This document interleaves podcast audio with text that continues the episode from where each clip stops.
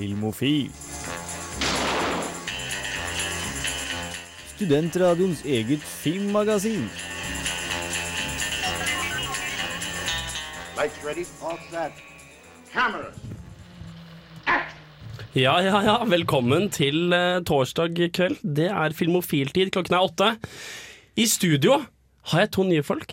Det er Hans Ystadnes Hallaisen. og Jan Markus Markussen. Er ikke det? Stemmer ikke det? Johannessen. Sånn- Johannessen. Jeg syns det var rart å hete Jan Markus Markussen. Nært nok. Jeg har også med meg Fride, og vi er her i dag for å prate litt anmeldelse. Vi har Jakten Berlusconi, vi har sett Independence Day. Eh, Vi skal prate litt om propaganda som tema, men aller først får dere Cold War Kids med First.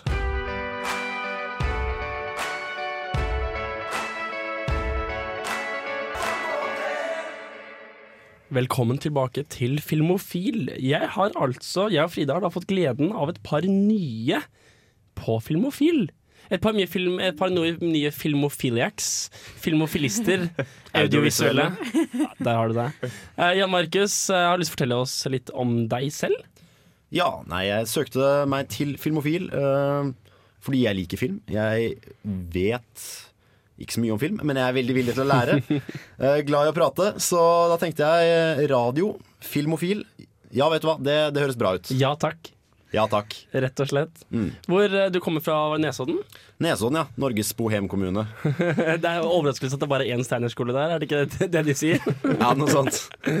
Hva er det du går på nå her? Akkurat nå så går jeg på HIST, eh, Høgskolen i Sør-Trøndelag, på det som heter forkursingeniør. Så det er litt sånn wannabe-ingeniørretning, da. Så det er fortsatt overtall av ingeniører og sivinger på, på Filmofil, da, for en gangs skyld. Uh, Hans, uh, tar du igjen fakkelen her, eller uh, hva er det du går på igjen? Jeg går på musikkvitenskap på Dragvoll. Er ikke så verst, det. Du, Det er ikke så verst. Jeg får spille mye og kost meg. og sånn Jeg kommer ikke til å få jobb, da, men, eh, men jeg får spilt. Du får hatt det jævlig gøy i mellomtida. Ikke sant? Du, du søkte også Filmofil, hvorfor det? Du, jeg er, jeg er veldig glad i film. Jeg ser, ser mye film og mye serier og sånn. Jeg følte før at det var en ulempe at jeg gjorde litt for mye av det, men så tenkte jeg hei, her kan det faktisk være en styrke. ja, nei, ja, jo, det, det er jo det, det er jo det. Eh, er det noen av dere som har lyst til å fortelle meg om noe, noe liksom, Har dere noen movie creds? Er det noe, har, dere, har dere sett en eller annen sånn film på førstepremieren, eller har dere plakat, original Cubic-plakat hjemme, eller er det noen som har noe sånn derre Hvor våre lyttere kan sitte hjemme, eller hvor- eller lytter kan sitte hjemme og bare åh, yeah, kult. Nei, der, der er det egentlig litt stusslig. Uh, Av det jeg har vært på filmpremierer, så er det eneste jeg kan huske Spiderman 3. Og det var jo en heller, un heller underveldende opplevelse. Herregud. Hans? Jeg tror kanskje jeg vinner på tegneseriefilmpremiere, for jeg var på premieren av Batman Begins. Men det er vel det eneste jeg kan vise til. Ah. Men jeg vil si at den var hakket bedre enn Spiderman 3. Skal ikke så mye til. Nei, kanskje ikke. Frida, er det, noe, er det noe du har noe å komme med? Eller jeg, vi er egentlig litt dårlige på sånne, der- sånne der eventer når det kommer til creds. Nei, jeg, jeg har faktisk vært på dritmye førpremierer, jeg. Oi, oi. Ja. Eh, Harry Potter har jeg vært på fire av førpremierene. Jeg tror to til fem. På hvilket tidspunkt begynner det å bli litt creepy? langt før jeg sluttet, i hvert fall. Oh, ja, okay. ja, men det er greit. det er greit Håpet er å komme gjennom creepy og ut til velgjennomført. Å, ja. Komme ut på andre siden av creepy. Og bare, nei, Å, det der er respekt. Det er respekt. Jeg stoppet før Du, du, du bare endte opp midt i creepy. Det. Ja, Det er ikke. Det er noen som kan liksom skryte av Nei, han har så Star Wars 400 ganger når den kom ut. Uh, mens du bare Ja, nei, jeg har vært på nesten alle frempremierene. Ja. Nesten alle er veldig dårlige.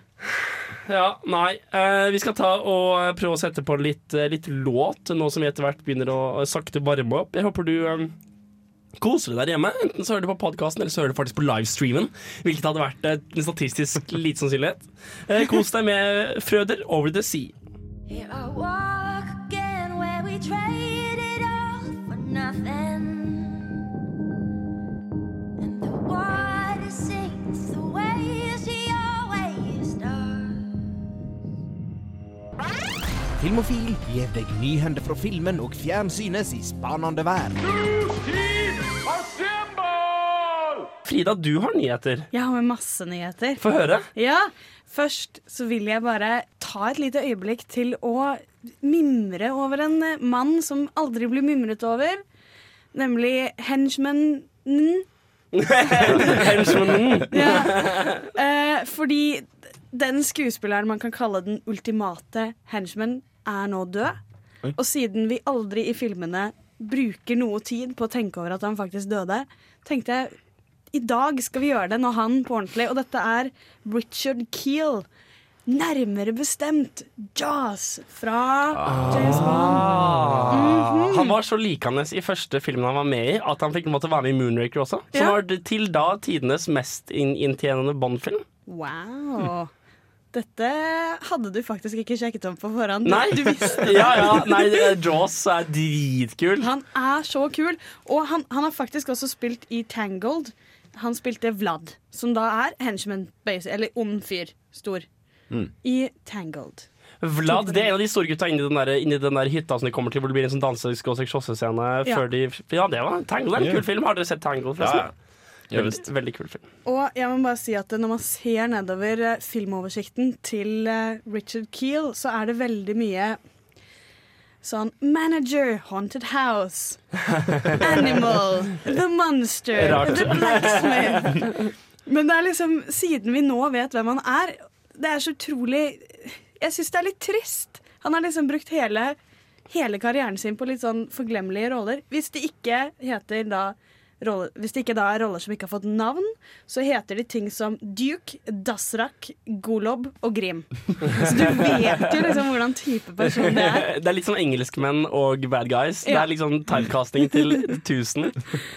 Så Ja. jeg syns bare vi skulle ta, en liten ta litt tid, nevne han. Vi har dessverre ikke radiotida til et full minutts stillhet, Nei. men uh, Man kan ta et minutts stillhet inni seg. ja. Og så går vi Du kan til eventuelt pause podkasten. Ja, gjør det. Ja. Ett minutt pause. Et minutt pause, bare. Okay.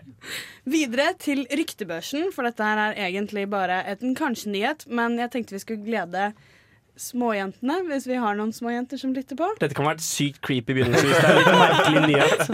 Nei. Jeg håper ikke dette er helt sånn obskur. Ok, for jeg er spent. Jeg er veldig spent.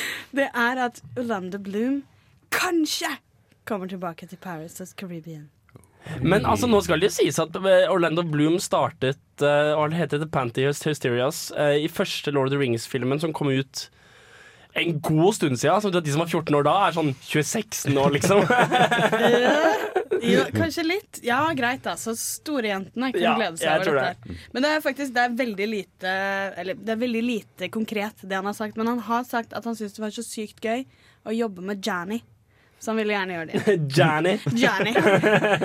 For han er på fornavn, og dermed så er jeg på fornavn. Ja, selvfølgelig. selvfølgelig. Og så kan vi gå videre til en ikke-nyhet.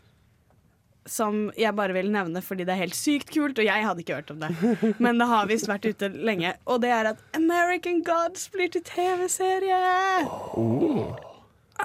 Det kan bli interessant. Kan det bli bra?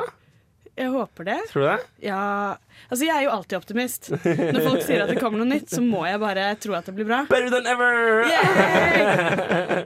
Og det vi egentlig har fått vite nå, grunnen til at det liksom dukket opp igjen, var at uh, regissøren, som er Brian Fuller, han har skrevet Hannibal og Heroes. Mm. Han har gått ut og sagt at det hadde vært et svik, eller at de hadde vært the ultimate assholes hvis de castet Shadow som en hvit fyr. Det er jo bra. Det liker vi. Ja, det er jeg helt enig i. For det nevnes jo aldri egentlig i boka hvilken hudfarge han har, men det er veldig åpenbart ikke hvit. Ja. Men kan ikke du gi litt en liten rask intro på American, hva American Heroes er for noe? American Gods. American Gods. Ja. Jeg, tenkte, jeg tenkte fortsatt på Heroes. Nemlig. Jeg, tenkte på, jeg tenkte på hvordan sesongutviklingen er, og vurderte å si at kanskje han var bare, bare, bare da holde seg til en eller to sesonger. Ja, For Heroes stoppet veldig av. Men jeg beklager. American Gods, gi oss en rask intro. det er en bok skrevet av Neil Gaiman eh, om, eh, om guder i eksil, på en måte. Eh, konseptet er at med en gang en person tilber en gud i et nytt land, så vil det lages en ny eh, inkarnasjon av denne guden. Så da alle eh, som flyttet til, emigrerte til USA, de tok med seg gudene sine. Men de gudene ble, de ble ikke hyllet eller tilbedt videre.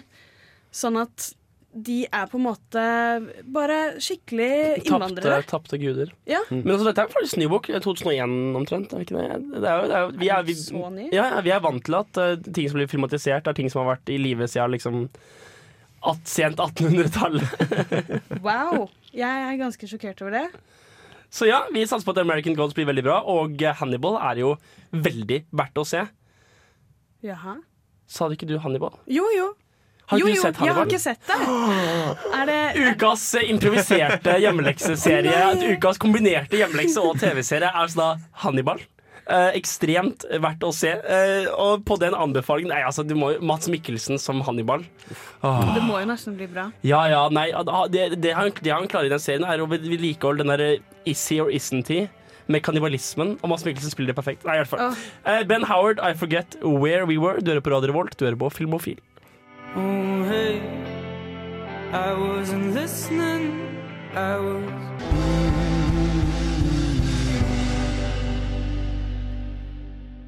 Velkommen tilbake. Du hører på Filmofil. Eh, Jan Markus? Ja, eh, for noen få dager siden så fikk vi et tips sånn helt på tampen. At det var eh, førpremiere på Jakten på Berlusconi på Nova kino. Og det skulle være skuespillerne Atle Antonsen og flere andre roller fra filmen som skulle være der og signere plakater. Så vi rev jo med oss eh, båndopptaker og løp bort for å prøve å få et ord med disse. Ja, for det var jo hovedpersonene Schultz og Ødegaard som var åpen for intervjuet. Nei, det var ikke Ødegård. Nei. Det var eh, Odd William Magnusson som har en liten birolle. Edvard Schultheis og Atle Antonsen som Ja. eh, var der på den førre premieren. Men Atle Antonsen stjal jo jeg. Så Ja. nå, nå må ikke du tease ham for mye, Fordi det er et helt annet intervju. Det er et helt annet intervju. Skal vi bare ta og rulle på? Kjør på. Vi står nå på Nova kino, kun få meter fra skuespillerne Atle Antonsen, Odd Magnus Williamson og Edvard Schultheis. Tre av rolleinntakerne i den nye norske komedien 'Jakten på Berlusconi'. De er travelt opptatt med å ta bilder med publikum og signere filmplakater.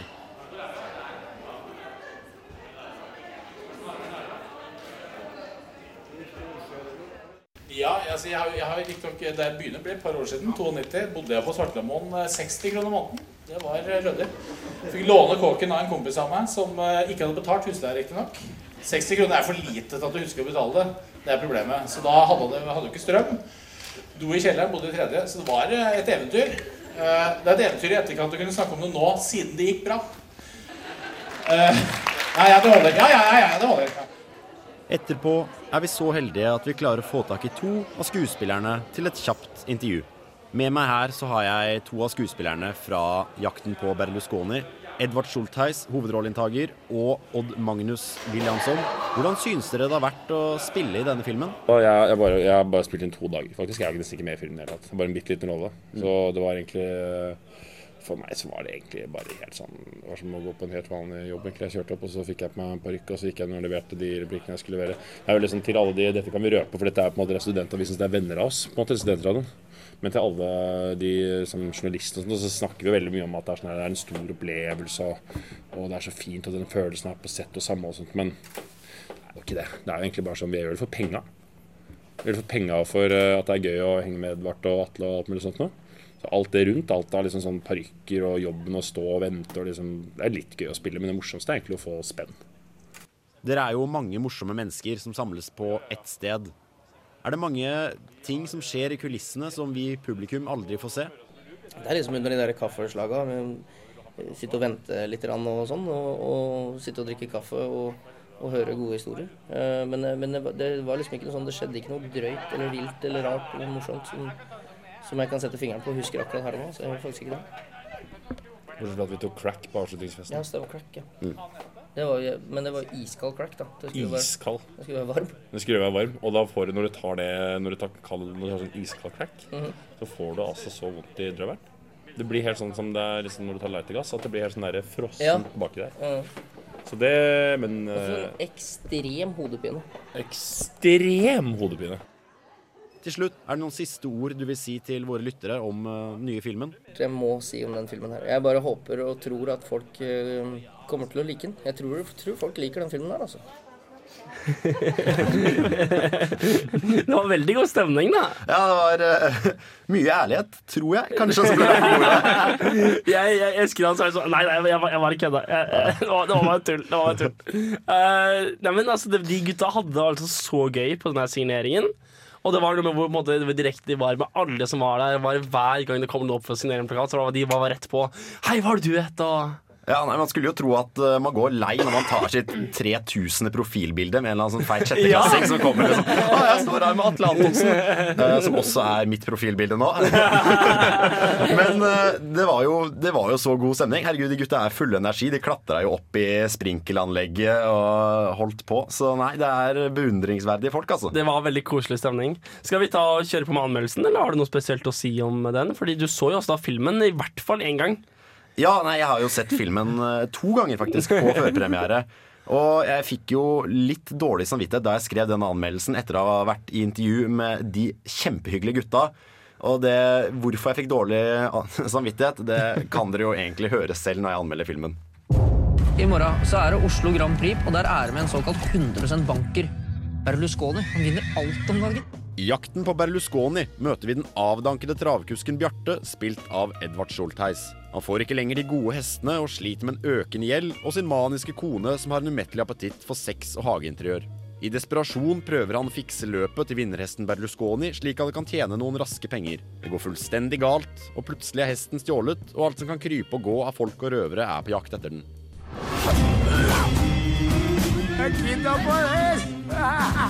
Plottet og filmens oppbygning minner mye om de tidlige filmene til Guy Ritchie, men klarer ikke å kopiere magien. Det virker som om en folkehøyskoleklasse har sett Snatch i fylla og har bestemt seg for å lage deres tolkning av sjangeren krimkomedie. Tyst nu, det är bara påminnelse om petal. Du brakk nesa mi! Hest er business, Bjarte. Rein business.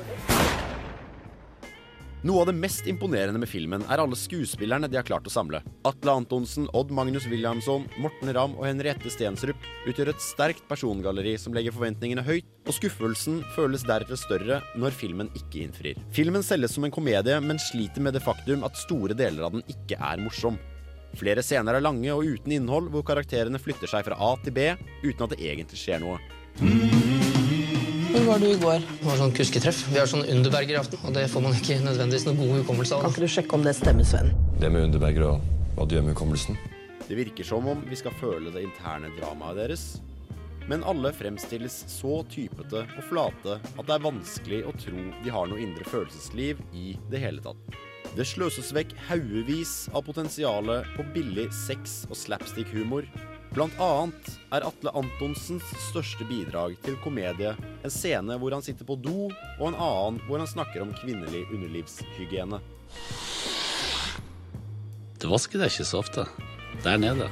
Musikken henter inspirasjon fra westernsjangeren, utenom én malplassert låt av den norske artisten Onkel P. Lydsporet er ellers sparsomt. Du er superamper. Jeg er ikke amper. Hold opp, jeg er ikke amper, sier jeg. Du, jeg er ikke amper. Faen ikke amper, nå gir jeg! En minimalistisk bruk av musikk fungerer godt i mange filmer, og hadde ikke nødvendigvis vært et problem. Men kombinert med et tregt tempo i klipping og regi føles det som om filmen er mye lenger enn det den trenger å være. Bare finn hesten, du. Hei, stopp, stopp! Nei, du, ikke lek tøffa! Når det kommer til slutten av filmen, løser alt seg på magisk vis. Men bare man tenker seg om, innser man at det er færre løse ender i en bolle med spagetti. Alt i alt oppleves filmen som et bortkastet potensial. Både skuespillerne og handlingen i seg selv inviterer til en kjempeopplevelse. Det triste er bare det at filmen aldri blir helt det man håper den skulle være. Selv har jeg sett filmen to ganger, noe som var halvannen gang for mye. Ja, det er halvannen gang for mye, ja. Ja, det var jo litt når jeg eh, gikk inn for å anmelde denne filmen her, så måtte jeg jo egentlig se den på nytt igjen. Og jeg satt litt med den følelsen at ah, ja, ja, hva gjør man ikke for filmofil? Nei, men det, det er sånn, det er sånn, eh, sånn på en måte selvoffersk eh, mentalitet vi, jeg, jeg som program- programleder i hvert fall setter veldig, veldig pris på. Eh, Så hva er det Atle Antonsen gjør i denne filmen? Han er en eh, tidligere leiesoldat fra eh, Libanon og Afghanistan. Og han introduseres liksom med at han er, tåler uendelig mengde smerte og har et overviklet sanseapparat og sånne ting. Men utenom at han driver og lukter underlivene til disse jentene, så er det egentlig ikke så mye Du blir ikke imponert av karakteren i det hele tatt. da Han skal liksom være sånn en ond kraft. Litt sånn uh, No Children Nei, No Country for Old Men. Ja, akkurat. At han er liksom Mm. en sånn uh, iskald morder, men han gjør jo egentlig aldri noen ting i hele filmen. Jeg kan ikke helt Altså, den sammenligningen der med Javier eh, Bardem! Bardem. OK, dette blir nesten litt fransk. Javier Bardem! Ah! Men Atle Antonsen som han, det Altså ua- Jeg kan være stor fan av Atle Antonsen, men det ser bare rart ut inni mitt hode. Med den klippen. Og bare Ja, det skjegget? Ja, øh, øh, takk for det, Ville. Ja, nei, det er eh, jeg satt, eh, Første gang jeg så den filmen, her Så satt jeg litt med inntrykk av at eh, Ok, her er det her er et eller annet jeg går glipp av. Det er noe som suser rett over hodet mitt. Litt sånn indre spenning eller noe symbolikk jeg ikke plukker opp. og sånne ting Men Ja. det er Du sitter litt med at du føler du mister noe hele tiden, og så kommer du ut av filmen når den er ferdig, og så skjønner du at det var faktisk ingenting å miste. Det er litt som det er litt som min følelse til Drive.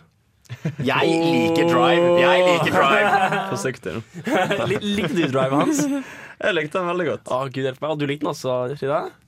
Jeg har ikke sett Drive. Ok. I Så jeg fall, bare eh, velger å holde meg Jeg, nøytral. eh, jeg uh, uh, syns Drive var litt Nei, never, never mind. Um, eh, grusom unnskyldning av en pretensiøs veggplakat i sakte Åh, film. Å, det smeller. Uansett. Vi skal slåss etterpå, vi. Du, meg utenfor etterpå. Det kommer en dobbellåt nå neste, så kan vi Eh, men, mm, Jeg fikk litt følelsen av at filmen aspirerte til en slags sånn snatch, lock, stock-type layer cake-type film. Ja, det er det. Det skal liksom være alle har en kobling på et eller annet, eh, en eller annen måte. Og du, du venter liksom på at ting skal bli ordentlig morsomt. da Forviklingskomedien den er jo der, men den fenger aldri. Det er, eh, ting blir for slapstick, for enkelt. Litt sånn, Jeg lurer på om det er en forskjell på norsk og engelsk humor. At nordmenn kanskje har litt enklere humor. Kan det stemme? Du lo jo ikke, da, så kanskje ikke.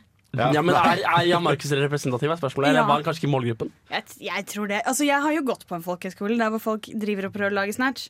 Eh, og det gjør alle. Det er liksom Hver runde så er det liksom en som bare uh, mafia, Ja, jeg skal, gjen, jeg skal gjenopplive Jeg har gjort det sjæl. Jeg må bare innrømme det. Så lang tid tok det for du bare liksom brøt helt OK, det var meg! Det var meg.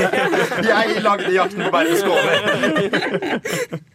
Men det er så fristende, for det ser så kult ut, og så er det helt umulig, for man klarer jo ikke plukke opp den sjarmen. Hvorfor ikke? Jeg, skjønner- Nei, jeg vet ikke. Jeg vet ikke, det er noe helt Jeg tror Guy Ritchie er litt magisk. Jeg, jeg gjorde også litt research på dette. her Jeg så jo flere klipp av uh, Snatch etter å ha sett 'Jakten på Berlusconi' for å prøve å finne ut hva er X-faktoren. ja.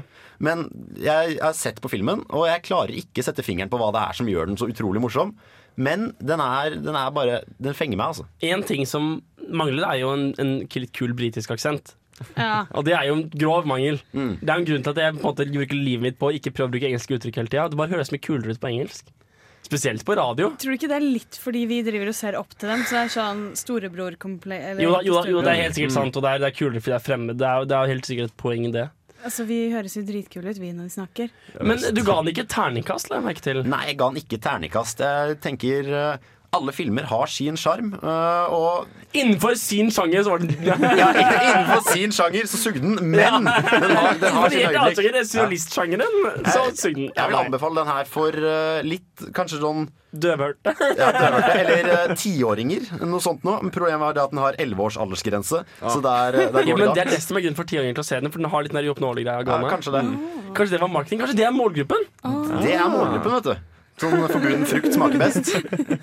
Nei, nei men vi eh, Det var en- ett eller to morsomme segmenter, var det nok kanskje. Det var det. Jeg lo noen ganger. Og så var det Og så håper vi at det er eh, At det er eh, mer bra der det kom fra, på en måte. Mm.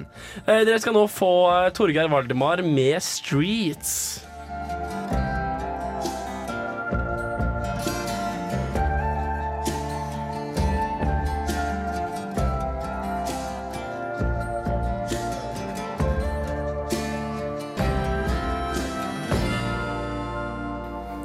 Jeg er eh, Agnes Kittelsen, Og jeg er Aksel Henning, og det er viktig at eh, dere hører på Filmofil. filmofil.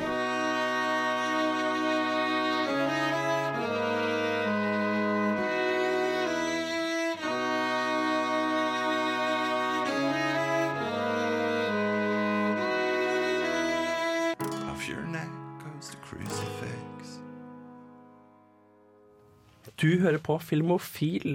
I, studio er det Henrik, Frida, Jan Markus og Hans. Og temaet for denne uka her, det er helt tematisk sånn oversikt, er eh, propaganda. Stemmer ikke det, Frida? Jo, det stemmer det. Altså propaganda i film, da, Ja, gjerne. ja og for så selvfølgelig. vidt TV-serier. Ja, jo, faktisk. I TV-serier også. Det kommer fra en samtale vi hadde etter eh, Faktisk etter forrige program, hvor vi ble Mhm. sittende og prate. Og ting skjedde og ting skjedde, så vi bare ble sittende og prate. eh, fordi det vi skulle gjøre, gjorde vi plutselig ikke. Så vi satt og pratet, og så kom vi inn på temaet med at man OK. Det at Noen ganger nå, når man ser storfilmer som er laget for basically et internasjonalt publikum, så plutselig kommer en sånn derre Well, you know, America gotta save the day. Og så får man litt sånn derre iffy følelse.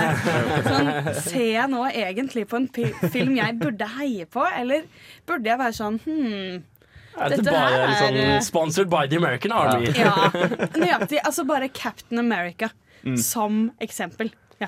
Det er jo faktisk en ting eh, som er relevant for eh, filmer med militæret også. Det er jo slik at uh, ofte så låner faktisk USAs forsvar bort militært materiell til filminnspillinger.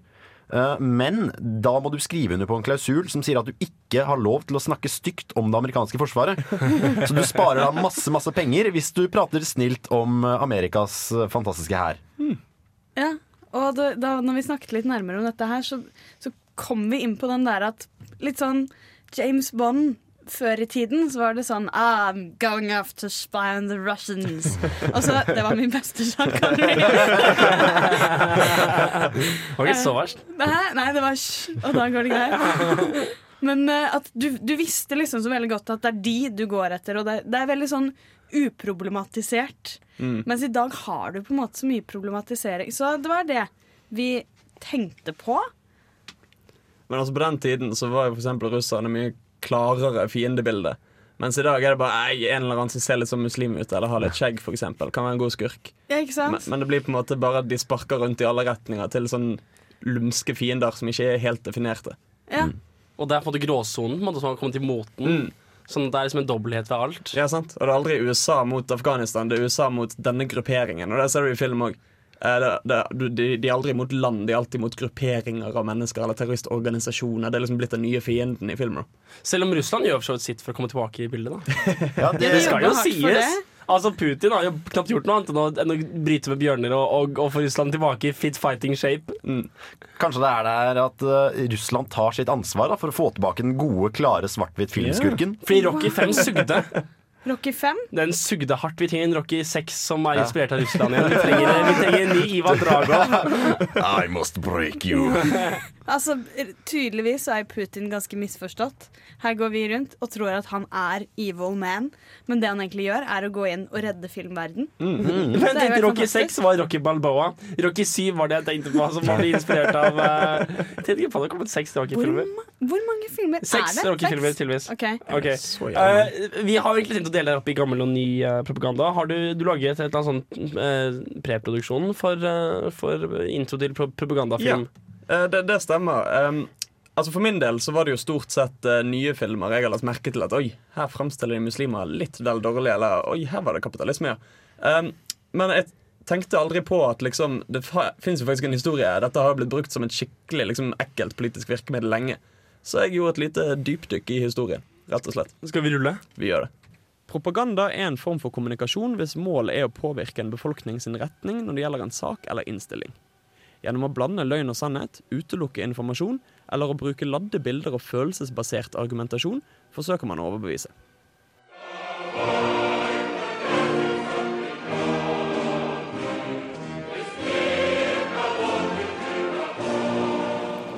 Propaganda fins i mange former, og film har siden slutten av 1800-tallet vært en av de mest effektive. Grunnen til at film fungerer spesielt bra til dette, er at det framstiller situasjoner mye mer livaktig enn de andre mediene, og mange lar seg lettere overbevise av bilder de ser på skjerm, særlig av folkeslag og kulturer de ikke kjenner til. I film er det bare det kameraet ser som eksisterer, og seeren får ikke servert noe alternativt synspunkt. Det tidligste eksempelet på propagandafilm er en serie kortfilmer fra 1898 som omhandler den spansk-amerikanske krigen. Men den første spillefilmen brukt som propaganda var den rumenske Indepenta Romaniei, en to timer lang film med et enormt budsjett. Indepenta ble lagd for å få det rumenske folket til å støtte Romanias innblanding i den kommende første Balkankrigen. Et annet tidlig eksempel på propagandafilm er The Birth of a Nation, som framstiller svarte som uintelligente voldtektsmenn og hyller Ku Klux Klan som en heroisk bevegelse.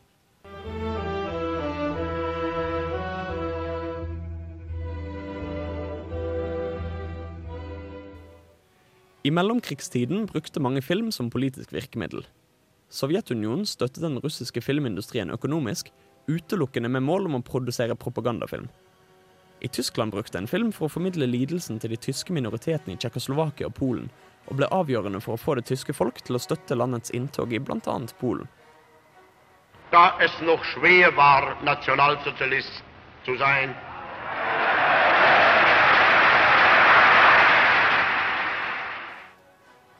Propagandans gullalder kom under andre verdenskrig. Der evige jude, eller Den evige jøde, utga seg for å være en dokumentar, og framstilte jøder som barbarer som lurte det siviliserte samfunn.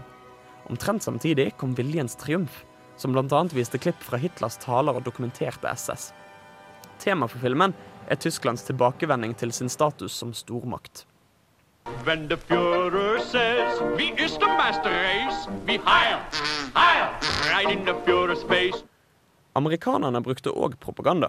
Mest berømt er Charlie Chaplin-filmen The Great Dictator, hvor han spiller en karikatur av Adolf Hitler.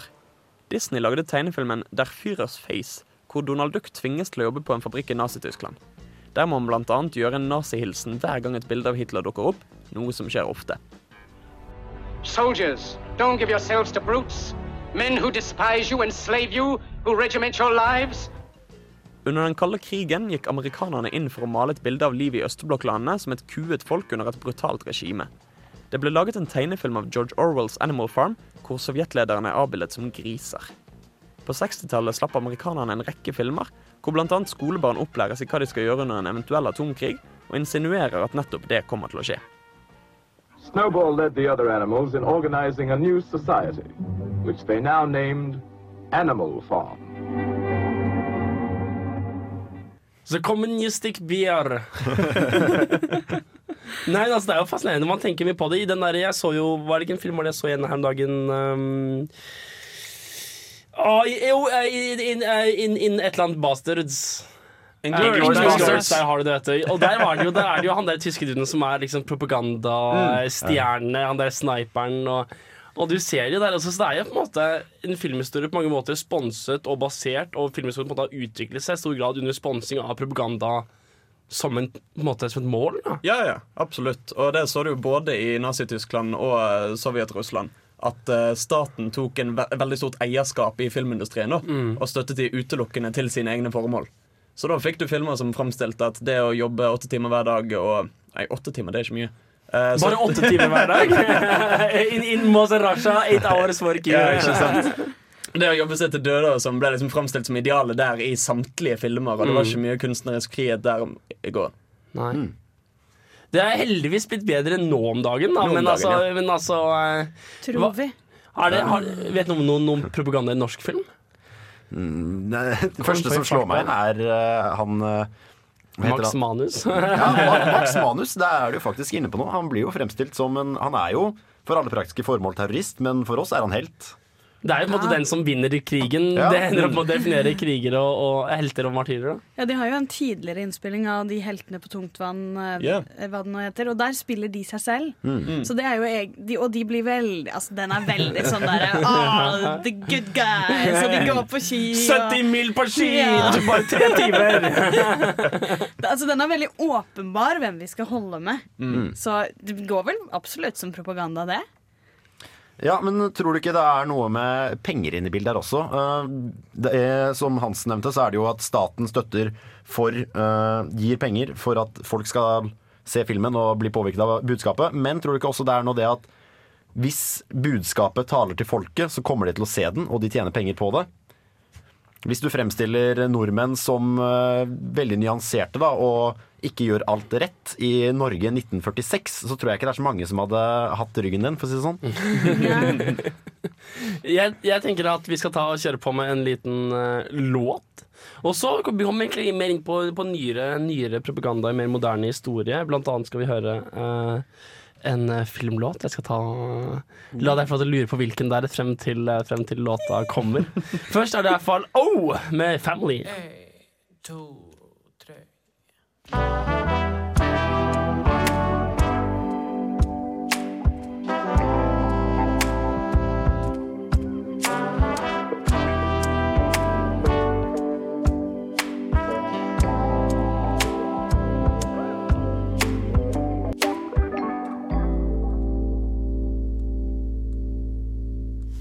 Vi er tilbake. Det er Filmofil. Det er torsdag kveld, og det er Ukas filmlåt.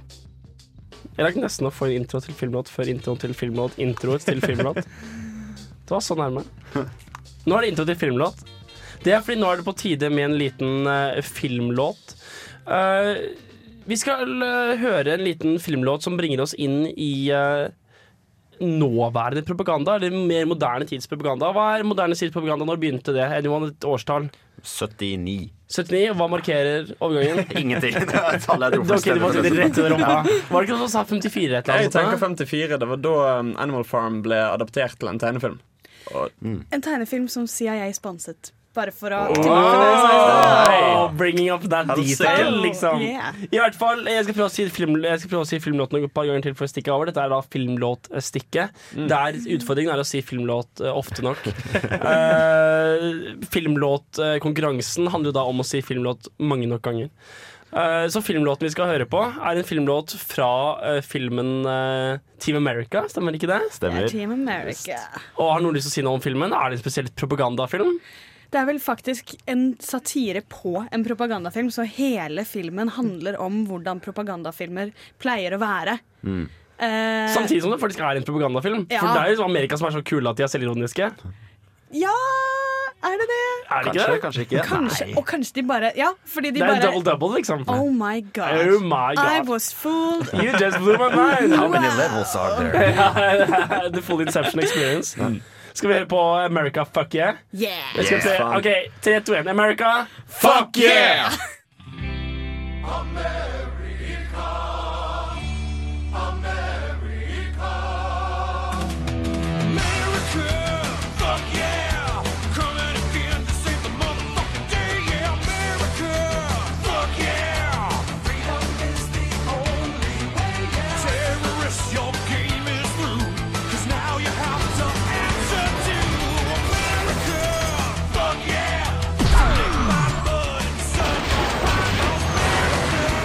Fuck yeah!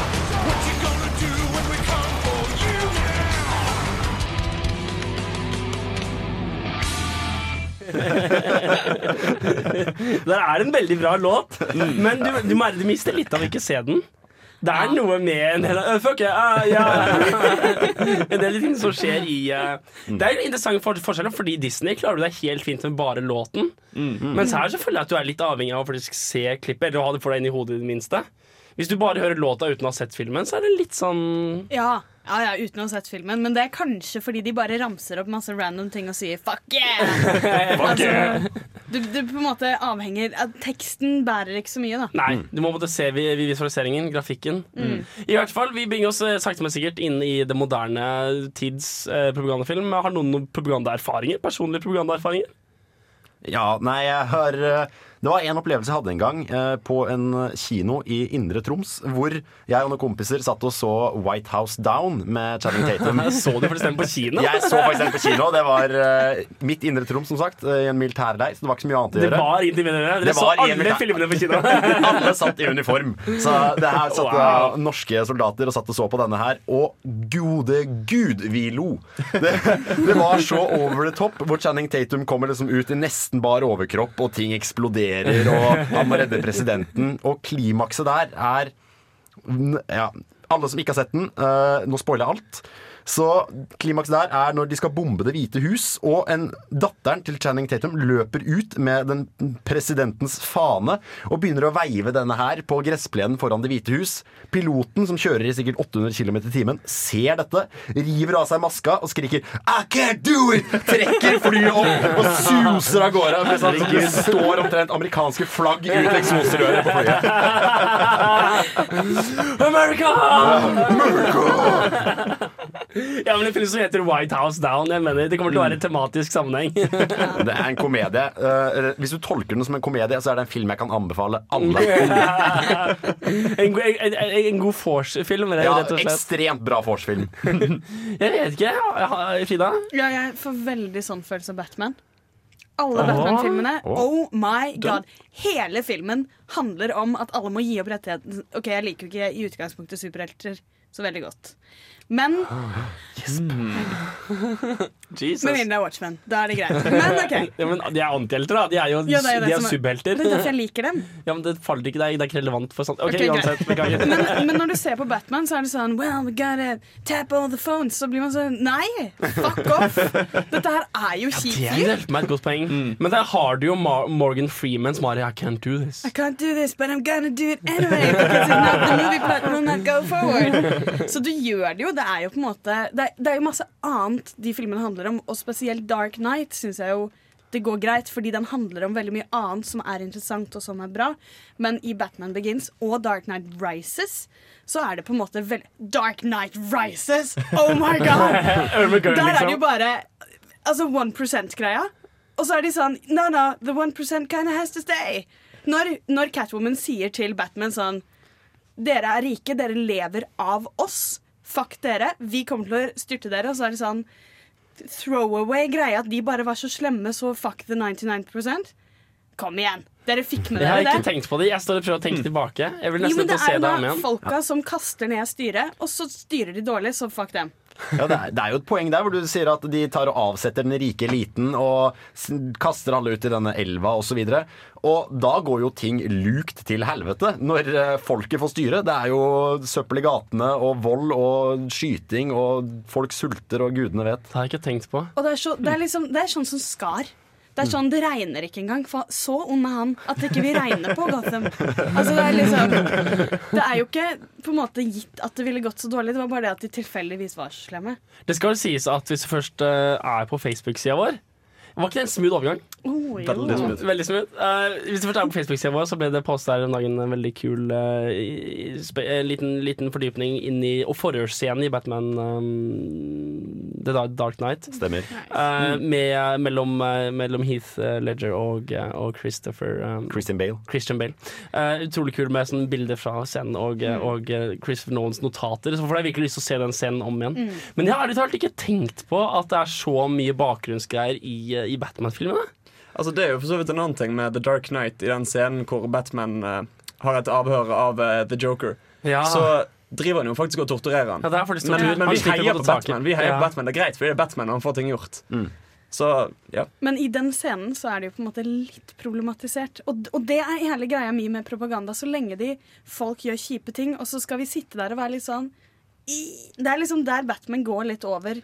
Det skal sies at i den scenen med hvor Batman torturerer The Joker, så sier The Joker at for all your strength Your, uh, your um, hva- Altså, du er maktesløs. Mm. For all din styrke. Du kan slå meg så hardt du vil, det kommer ikke til å gjøre noen forskjell. Og det er jo for så vidt det er jo for, Hvis du først skal være snakke om hvilken beskjed den scenen hadde, så er det jo faktisk ikke nødvendigvis den beskjeden at tortur er greit, og ikke engang at tortur er nyttig eller nødvendig. Så jeg vet ikke. Jeg tenker filmer jeg har sett som var eh, veldig, eh, veldig eh, Altså, det er vanskelig å unngå, unngå Hollywood. For det er liksom det jeg ser, det er liksom det jeg ser absolutt mest av. Jeg tenker eh, Du ser eh, jeg, jeg vet ikke, jeg, De første jeg kom på, er filmer som er ikke propagandafilmer. Armadillo, den danske eh, militærfilmen. Og den er jo, den er Den jo er jo ikke bra. propaganda. Den er jo, den er jo antimilitær og anti-establishment. Altså det er antibyråkrati. Ja. Og eh, Jarhead, den der filmen med han derre duden. Eh, Jake han- Gyllenhaal. Jake Gyllenhaal, takk. Eh, jeg var i ferd med å begynne å prøve å assosiere meg frem til det. det er, altså, Jarhead er jo også ikke en, en pro-amerikansk hærfilm. Jeg vet ikke. Er, de, er, det, er det på en måte de kontrastene verdt å nevne? Ja, men jeg, jeg, jeg tror på en måte det er derfor jeg syns den typen propaganda Hollywood veldig ofte kjører, blir litt ekkel. Fordi vi også har filmer som Jarhead, som Armadillo. Sånn de som viser krig som en litt sånn større, et større bilde. Ja. Mm. Og dermed så kan man på en måte mye mer høre på filmen. Fordi så mange filmer venner oss til at jeg prøver å være kritisk. Til en viss grad så prøver jeg å være kritisk. Og når du da får en film som er ganske ukritisk, så kan det veldig godt være at man bare tar det mer inn, fordi man er vant til at vi er mye mer nyanserte på krig. Og ja, så man på en måte antar at alle filmer har en viss journalistisk kritikk, og så Mm. kommer det en film som ikke er så egentlig vel overveid, så tar man for god, for god, god fisk. Ja, jeg merker Så det, jeg det, det du mener er at sånne filmer som Armadillo og Jarhead tar på en måte vekk filtet ditt? Ja, kanskje Det er nesten litt, eh, nesten litt, nesten, nesten litt skummelt. Ja. Eh, Jeg, jeg vet, eh, nå ble jeg helt uh, Ja, nei, det er litt for, for godt poeng. Eh, Du får ta og like Facebook-sida vår og komme inn og, og, og kommentere hva du synes om det, for det var et godt poeng. Altså, herregud. Eh, vi, skal høre på, vi skal høre på Ozzy. Ikke Ozzy Osbourne, tydeligvis, for det er ikke en Y, det er en Ozzy med IE. tydeligvis Med Gangsta. Håper du koser deg her på, på Film og Fil på Radio Revolt. Vi koser oss i hvert fall. Gjør vi ikke det, alle sammen? Det gjør vi. Det gjør vi.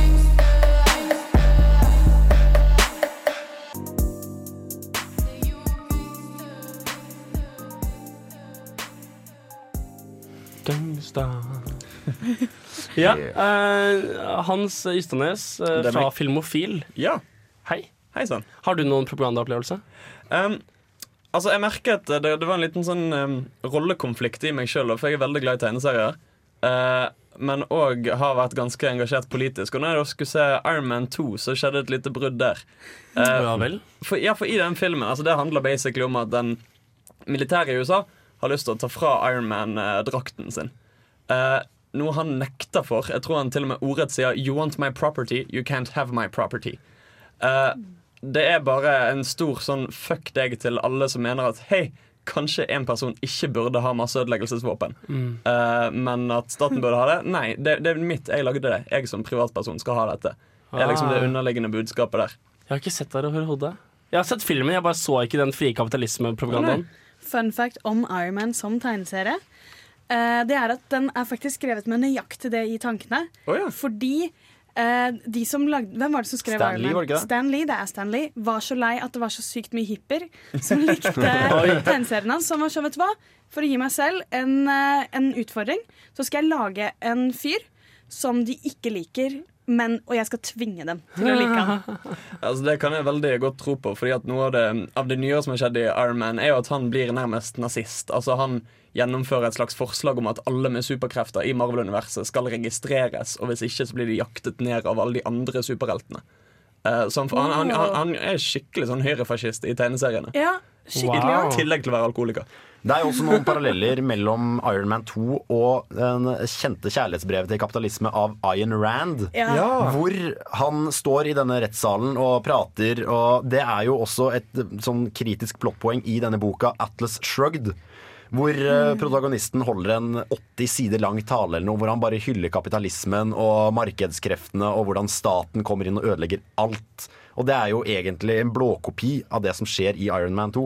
Bare en liten fun fact om den filmen Er det ikke sånn at den talen, hvis du skulle lest den ordrett fra boken, så ville den tatt over tre timer å framføre? Det hadde vært en veldig dårlig Iron Man-film.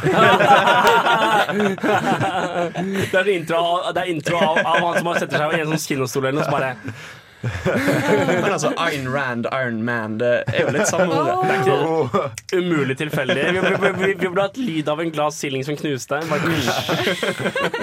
Herregud. Herregud!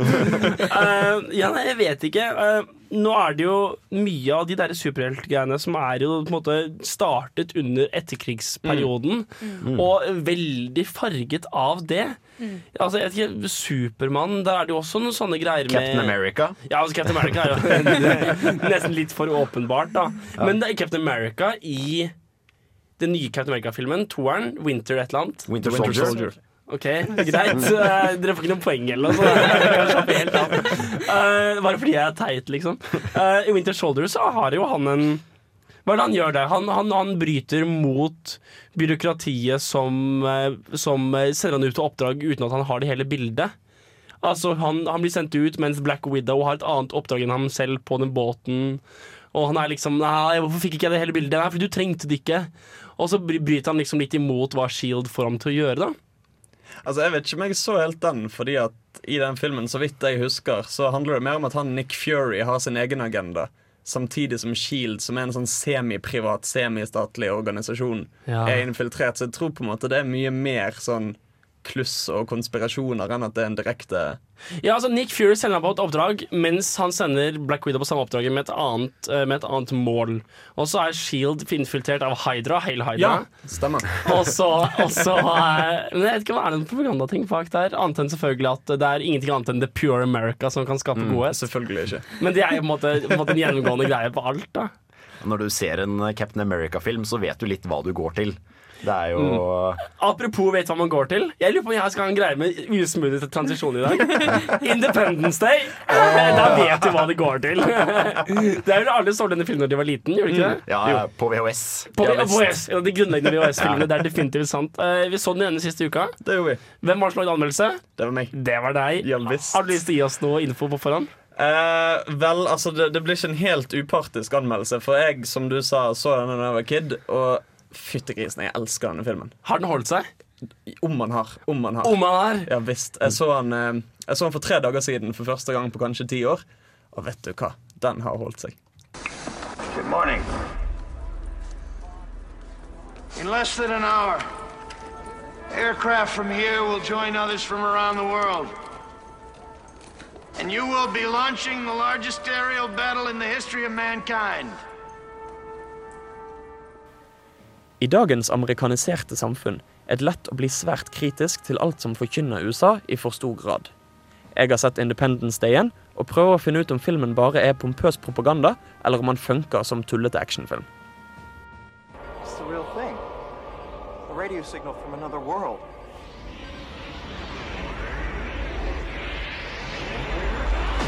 Mr. President, our intelligence tells us the object is settled into a stationary orbit. Part of it is broken off into nearly three dozen other pieces, smaller than the whole, sir. Yet over 15 miles in width themselves. Where are they heading? They should be entering our atmosphere within the next 25 minutes. Vi er i 1996, og romvesenet har gått til angrep på jorden. Jagerpiloten Stephen Hiller, spilt av Will Smith, reiser til en hemmelig militærbase i Nevada-ørkenen, nemlig Area 51. Der møter han den tidligere MIT-studenten David Levinson, spilt av Jeff Goldblum, og de finner ut at for å ha en sjanse for å slå romvesenet, må de fly et av romvesenenes egne skip opp til moderskipet.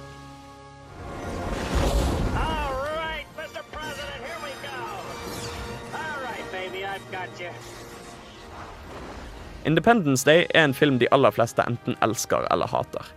Noen mener at de stereotypiske karakterene, den enorme USA-patriotismen og de mange plotthullene ødelegger inntrykket, mens andre klarer å se forbi filmens mangler og se den for hva den er. En skikkelig god actionfilm som ikke tar seg sjøl så veldig seriøst. Filmen er full av minneverdige øyeblikk og gode spesialeffekter som holder mål i dag. De lager ikke filmer som Independence Day lenger, men det er like greit, for da kan en bare se den en gang til når behovet skulle melde seg. The 4th of July will no longer be known as an American holiday, but as the day when the world declared in one voice, we will not go quietly into the night. Filmen har definitivt sine svakheter. Plottet hviler i stor grad på tilfeldigheter, bl.a. i en scene hvor Will Smiths karakter flyr i et helikopter over ruinen av byen han og kona hans bodde i, og ikke bare finner han hun i live, men òg presidenten sin kone. Dessuten er det mange stereotyper i filmen. Faren til Jeff Goldblums karakter, eksempel, spilt av Judd Hirsch, kunne ha vært en jødisk karikatur fra en nazistisk propagandafilm.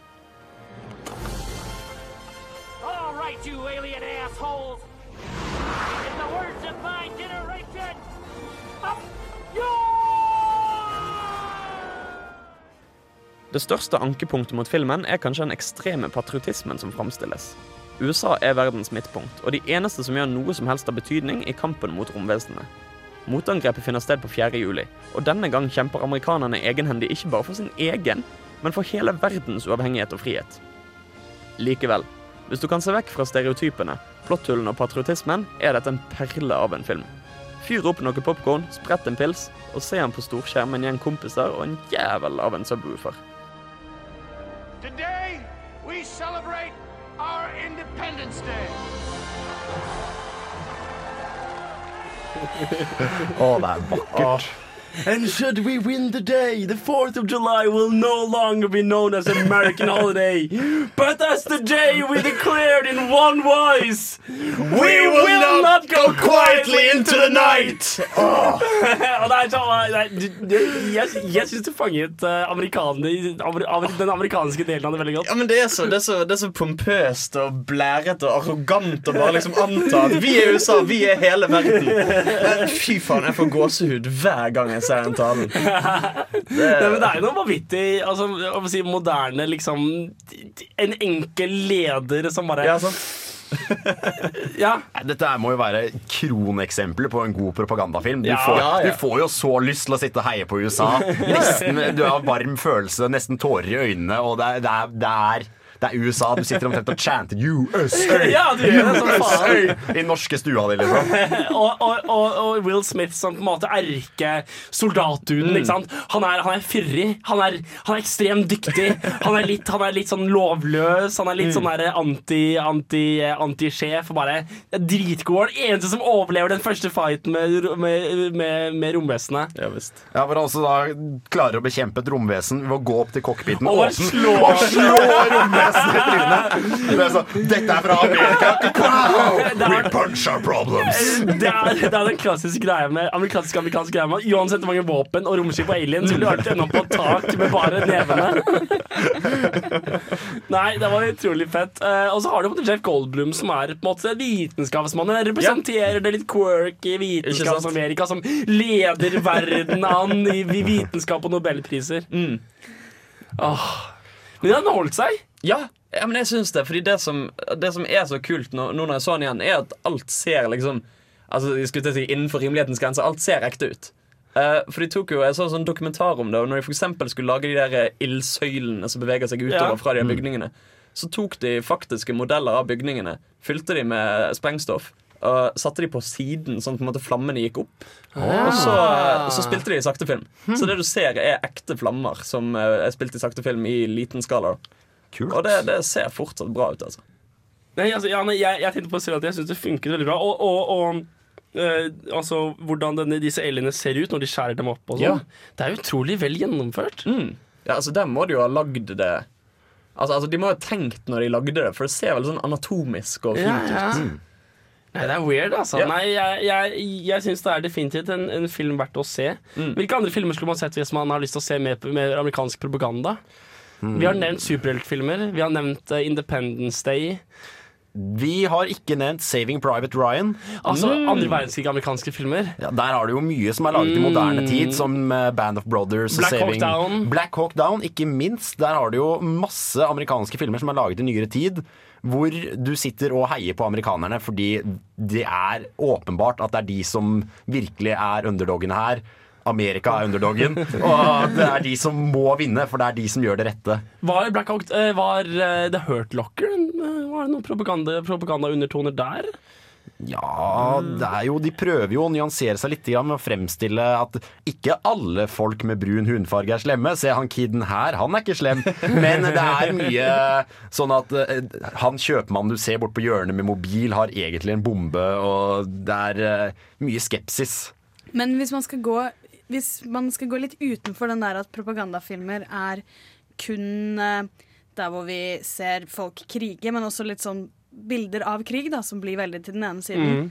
så har det jo Da kan man jo gå litt utenfor Mm. eh, Ja. bare Hollywood. Sånn Grave of the Fireflies. Det vil jo ikke være en propagandafilm, men handler jo om noe hvor det er veldig åpenbart at du ikke heier på Jeg vet amerikanerne. ikke hva det er. Dette er faktisk en Studio Ghibli-film. Å, eh, som pinlig at jeg ikke vet hva er. Men det er ikke Miyazaki som har eh, regissert den. det Det er en, han andre. Og den handler om eh, bombingen av eh, Hiroshima. Mm. Og så handler det om to barn som går rundt og bare basically prøver å overleve. Isao Takahata? Ja. Mm. That googling, liksom. Men den, den, er, den er veldig Altså, den er jo ikke propaganda, for den, det var nok ganske likt som det var. Eller til en viss grad, men det er veldig åpenbart hvem du skal heie på der. da Mm, mm. Og det er absolutt ikke amerikanerne. Er ikke det som en av tidenes tristeste filmer? Jo, Jo. Hvordan er den filmen her? Den har fått 97% på Rotten Tomatoes og 8,5 i IMDb. Den er litt sånn glemt. Jeg 1988. aner ikke hvorfor. Hvorfor er ikke det her noe vi har sett? Fordi, fordi ingen vil gi den, den opplevelsen videre. Det er så trist. Grave of the Fireflies fra 1988. Mm. Kanskje en liten, liten anbefaling for dere der ute som har det litt for bra i dag. Vi skal ta og, og høre på, på låt uh, Sufjan Stevens. Jeg vet ikke om det er en mann eller dame. Det er en mann. Er det det? Eh, her er det duden Sufjan Stevens med A Little Lost. Du hører på Filmofil. Du hører på Radio Revolt, enten på Syvende Bane eller podkast. Håper du koser deg.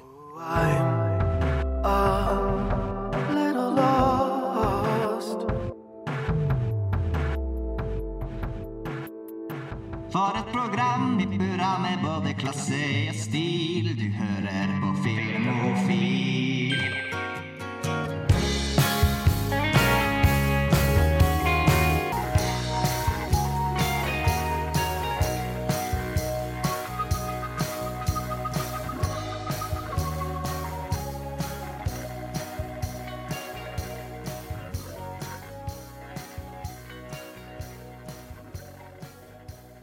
Ja, jeg tror, jeg, jeg tror ikke den sangen har tenkt å slutte med det første. Du hører på Filmofil. I studio er det Henrik, Frida, Jan Markus og Hans Ystadnes. Jeg vet ikke hvorfor jeg har lyst til å si hele navnet. Alt er Altså, bare fordi det er godt, er godt taktmessig sett. Du indikerer på en måte at alle heter Ysternes. Ja! Det er Henrik, Frida. Markus og Hans Ysternes. Uh, vi har snakket om eh, propaganda i eldre og nyere, spesielt nyere tid. Eh, propaganda er jo ikke bare i filmer. Er det vel, Hans? Nei, det Igjen en veldig smooth eh, overgang. Nei, det er ikke bare i filmer. eh. Det opptrer ofte i serier. Eh, særlig serien vi skal snakke om nå, som er 24. Um, det var en serie jeg så mye på som kid, for jeg syns han var, han var jævlig tøff. liksom Men etter hvert som jeg begynte å bli eldre og på en måte ble litt mer politisk interessert, av meg, så begynte jeg å se liksom de ekle detaljene i filmen. For i korte trekk så handler filmen om Serien? at Sa jeg film? Nja, du, sa- du sa nok film. Skal vi bare begynne hele dritten? Vi begynner helt på nytt. Nei, nei. Velkommen til uh, Filmofil. Serien Jeg tror jeg har handler åpningsstikk her et sted. Serien. Serien eh, 24 handler om at eh, Jack Bauer, han hovedpersonen, han, eh, han, han er med i det som heter eh, CTU, Counter Terrorist Unit i USA. Og eh, kjemper stort sett på egen hånd eller med noen sånn hackerfolk som han snakker mye på telefonen med. Mot slemmingene. Så, mot slemmingene. Eh, det, det er mange forskjellige slemminger. Altså det er ofte østeuropeere eller muslimer. da, stort sett Men de er til veldig slemme, da. Å, de er så slemme. De voldtar kona hennes, Og eh, i en av sesongene sprenger de en atombombe midt i USA.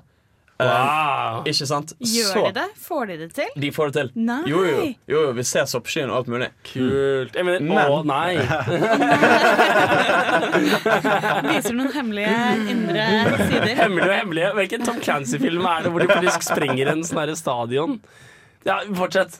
Ok, um, altså for tingen er at dette, legitim dette legitimerer jo handlingene til Jack Bauer, som er basically å torturere alle han kommer forbi. eh, for å finne ut hvor disse bombene er og sånn. Uh, ja, han torturerer så mange. Han, jeg, jeg tror det er flere per sesong. I en av de torturerer han si- både sin far og sin bror, hvis jeg ikke husker feil. Ja, ja. Og- Det blir parodisk da, på og tidspunkt. Han, han bruker faktisk waterboarding-teknikken på noen. Hmm. Bare, Wow. bare, bare for å gjøre liksom parallellen fullstendig, da.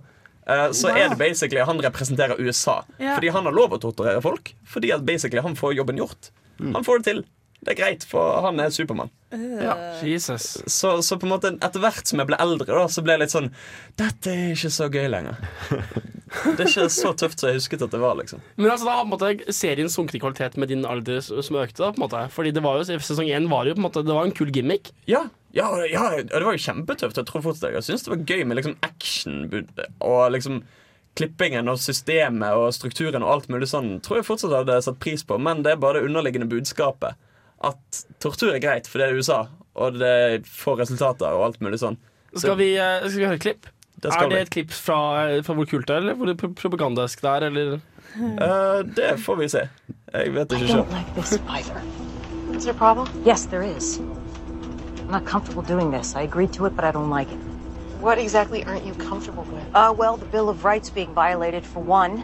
So if you're going to be doing anything grossly illegal, We'll make please. sure we notify you so you can leave the building.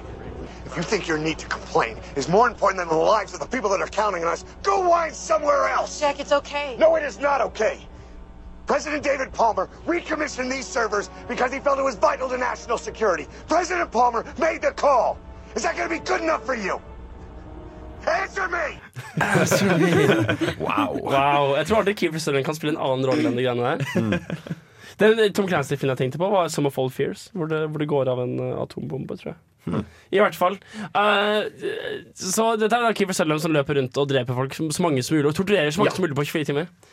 Det morsomme er jo at uh, i så godt som alle sesonger så trenger han en slags tillatelse for å torturere noen, og dette her går jo alltid hele tjenesteveien opp til presidenten. Mm. Og presidenten, presidenten sitter der og må ta avgjørelsen. Hm, skal vi se rikets sikkerhet? Hm, skal vi se menneskerettigheter? Hva er det som er viktigst her? Are you using the handicap toilet? Ja. I'm on the order of the president. Så det er jo I noen sesonger så er det greit, og i noen sesonger er det ikke greit. Men eh, det er eh, Det blir alltid tortur uansett om man får tillatelse eller ikke. Det er litt sånn gamle Drillo-kommentaren. Det er 90 minutter, med, 90 minutter med fotball, og så vinner tyskerne. Det er- 60 minutter med Exodias og torturerer Jack Bauer nå. Uh, death, death Count av Jack Bauer, jeg har funnet den her. Det er over da ni sesonger. Så er det 309 som han alene står for. Og plaffer. Wow. Har dere sett en scene apropos propagandafilmer? Det er, en, det, er en, det er en film som heter Hot Shots, og så spesielt Hot Shots 2. Og der har jeg den scenen hvor, eh, hvor Charlie Sheen står i den båten, veldig sånn, eh, veldig sånn Apocalypse Now-stil, og skyter med en sånn 50-kaliber fra en båt, mens liksom eh, eh, cartilage, altså de der eh, patronene, flyr rundt ham, mens da båter med fiender kommer forbi, og han bare Og det går et tall opp i hjørnet. Og øker og øker, og øker og så er det på et tidspunkt bare More than, more than Terminator! More than Altså lang liste av filmer. Og til slutt så stå, står han i en haug med, med patroner hvor båten har sunket, og han står bare på en haug av, av, av, av patroner. Og det er litt sånn samme følelsen som med, med 24 der. Hvor han liksom dreper han uten å mene det når han står opp om morgenen i siste sesongen. Bare sånn Oi, shit, sorry. Kaffe? For å omformulere det kjente sitatet, det eneste du trenger for at ondskap skal seire, er at de gode ikke dreper nok onde. Det er- Ja, det er det de går i. Er det noen igjen? La oss torturere dem. La oss torturere dem litt mer. Sånn om den filmen med Michael Sheen eh, og eh, var det, er det Samuel, Samuel L. Jackson hvor Michael Sheen blir torturert. Eh, Det er en litt nyere film. Jeg husker ikke helt hva, hvilken det er. Det er en film som folk må sjekke ut, altså. Torturfilm Åh! Vet du hva, vi går til låt, og så skal jeg ta og prøve å komme på hvilken Hvilken, eh, hvilken, eh, hvilken film var det jeg tenkte på. Vi skal høre på eh, State Meant av Megaphone. Vi nærmer oss sakte, men sikkert slutten på sendingen. Jeg håper du har kost deg. Jeg håper du er klar for litt mer kos. Du er på Film og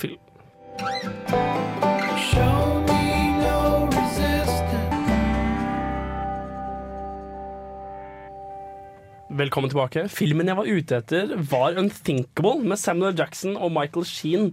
Året er 2010, og eh, Michael Sheen er da en terrorist som har gjemt en atombombe eller en slags form for brev, eh, koffertbombe i en eller annen tunnel. Funnet der ute i løpet av denne holdt på å si 97 minutter lange torturscenen. Hvor da bare Samuel. Jackson sakte, men sikkert stenger ut alle folka som sier nei, ikke torturere han mer. Og, og jeg er litt usikker på hvordan filmen egentlig tar opp Jeg er litt usikker på hvordan filmen ender opp med tortur eller ikke. Det er med Ai, Det kan jeg ikke si, fordi dere vil faktisk se den. Mm. I hvert fall mye tortur. Michael Sheen er en fantastisk skuespiller. Ja. Så det er verdt å se, da, helt definitivt. Uh, ok, Greit, det var propaganda. Vi skal ha et nytt tema neste uke, skal vi ikke det? Jo. Anyone? Anyone? Yeah. Kom igjen. Det var meg. Jo, eh, det er eh, Vi eh, skal se litt på remakes. Remakes. Remakes. Remakes. Remakes. Eh, og da Vi kan jo egentlig bare kjøre rett på og gi eh, Hjemmeleksa? hjemmeleksa. For Mm. det blir jo da eh, Paret. Det må jo bli den man ikke har sett, da, hvis man Mm. har sett yeah. den. Eh, paret La den rette komme inn. Sleppa inn. Sleppa inn. Sleppa inn. Sleppa inn. Ja, det kommer. La den rette komme inn, beklager. Eh, og Let Me In, Ja. som er den amerikanske remaken. Er det en vampyrfilm? Det er en vampyrfilm. En bra vampyrfilm? Og Det er en veldig bra vampyrfilm. jeg har ikke, jeg har ikke sett noen av dem. Hvis du ikke har sett noen av dem, så, så tror jeg du kan se den svenske. Bare så er vi sikre på at du ser noe bra. Ja, okay. Mm. Uh, og jeg syns bare det er så rart, for jeg syns den filmen er så svensk. Det kule med den er at de tar en vampyr, og så slipper de den ned i sånn svensk sosialdrama. Og så er det sånn oh, se hva som skjer, og så skjer det ting. Jeg kan ikke spoile, så det, jeg stoppet det der litt utsmooth. Så, så det har vi tenkt å prate om Mm, neste ja. uke. Så kult. Ja. Vi skal nok også uh, anmelde litt diverse filmer neste uke. Skal, jeg, tror, jeg tror jeg skal faktisk da prøve å møte med Ole Gevær og prate litt om Mot naturen. En film han eh, på en måte både har laget og skuespillet i. Kanskje noen skal anmelde Walk Among Tombstones. eh, Den nye Liam Neeson-filmen der han overraskelse nok hevner noen. Nei!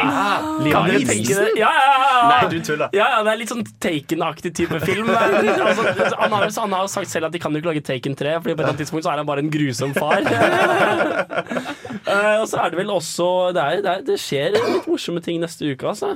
Uh, så folk skal få lov til å passe på å se uh, La den rette komme inn. Eller Let me in. Hvis de har sett den, da. Se begge. Se begge. Bare Se se begge. begge. Herregud. Jeg, jeg skal se begge. Men man må si det med litt mer kjensler. Du må si det så her. Du må si det på svensk. Den rette komme inn. Ja, ja Bedre? Bedre fornøyd? Ok. Eh, vi skal ta og De siste låtene Fordi jeg er bestemt. Og uh, du kan gjette hva det ble. Det ble Kaizers. Uh, er, vet du hva, Jeg ble glad i Kaizers etter at det ikke var lov å like dem lenger. I hvert fall Kaizers med 1000 dråper regn. Hører på Radio Volt på Filmofil.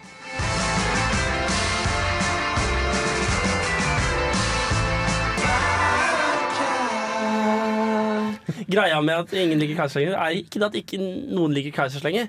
Det er bare ikke sosialt akseptabelt å sette det på på nach eller på egentlig noen som helst del av festen. Da er det ikke lov. Er ikke dere Kaizers? Eh, nei. nei. Vi skal høre den der wiggle, wiggle, wiggle en gang til. Ikke at jeg vet hvorfor. Jeg kan ikke wiggle, wiggle. Nei, wiggle, wiggle, wiggle. Bam, bam, bam, bam, wow. Ok, i hvert fall. Greit. Det er litt paradoksalt at jeg, at jeg kan den. Eh, I dag har vi hatt Filmofil-sending, og den er nå slutt. Eh, vi har snakket om mye forskjellig, egentlig. Vi har hovedsakelig snakket om propaganda. Passende nok, ettersom dette var propagandasendingen. Eh, vi har snakket om eh, jakten på Berlusconi, som fikk en, eh, en tommel ned av, av Jan Markus. Stemmer ikke det, Jan Markus? Ja, hvis du la terningkast, så vil jeg vel si en Tommel ned. to. Ja. Ja, en to. Og, og vi har snakket om Vi har snakket om Independence Day, og vi har snakket om eh, hva var den derre som, som, vi, som vi måtte se begravelsen Nei, grav... grav Grave of the Fireflies. Grave of the Fireflies. Mm. Åh.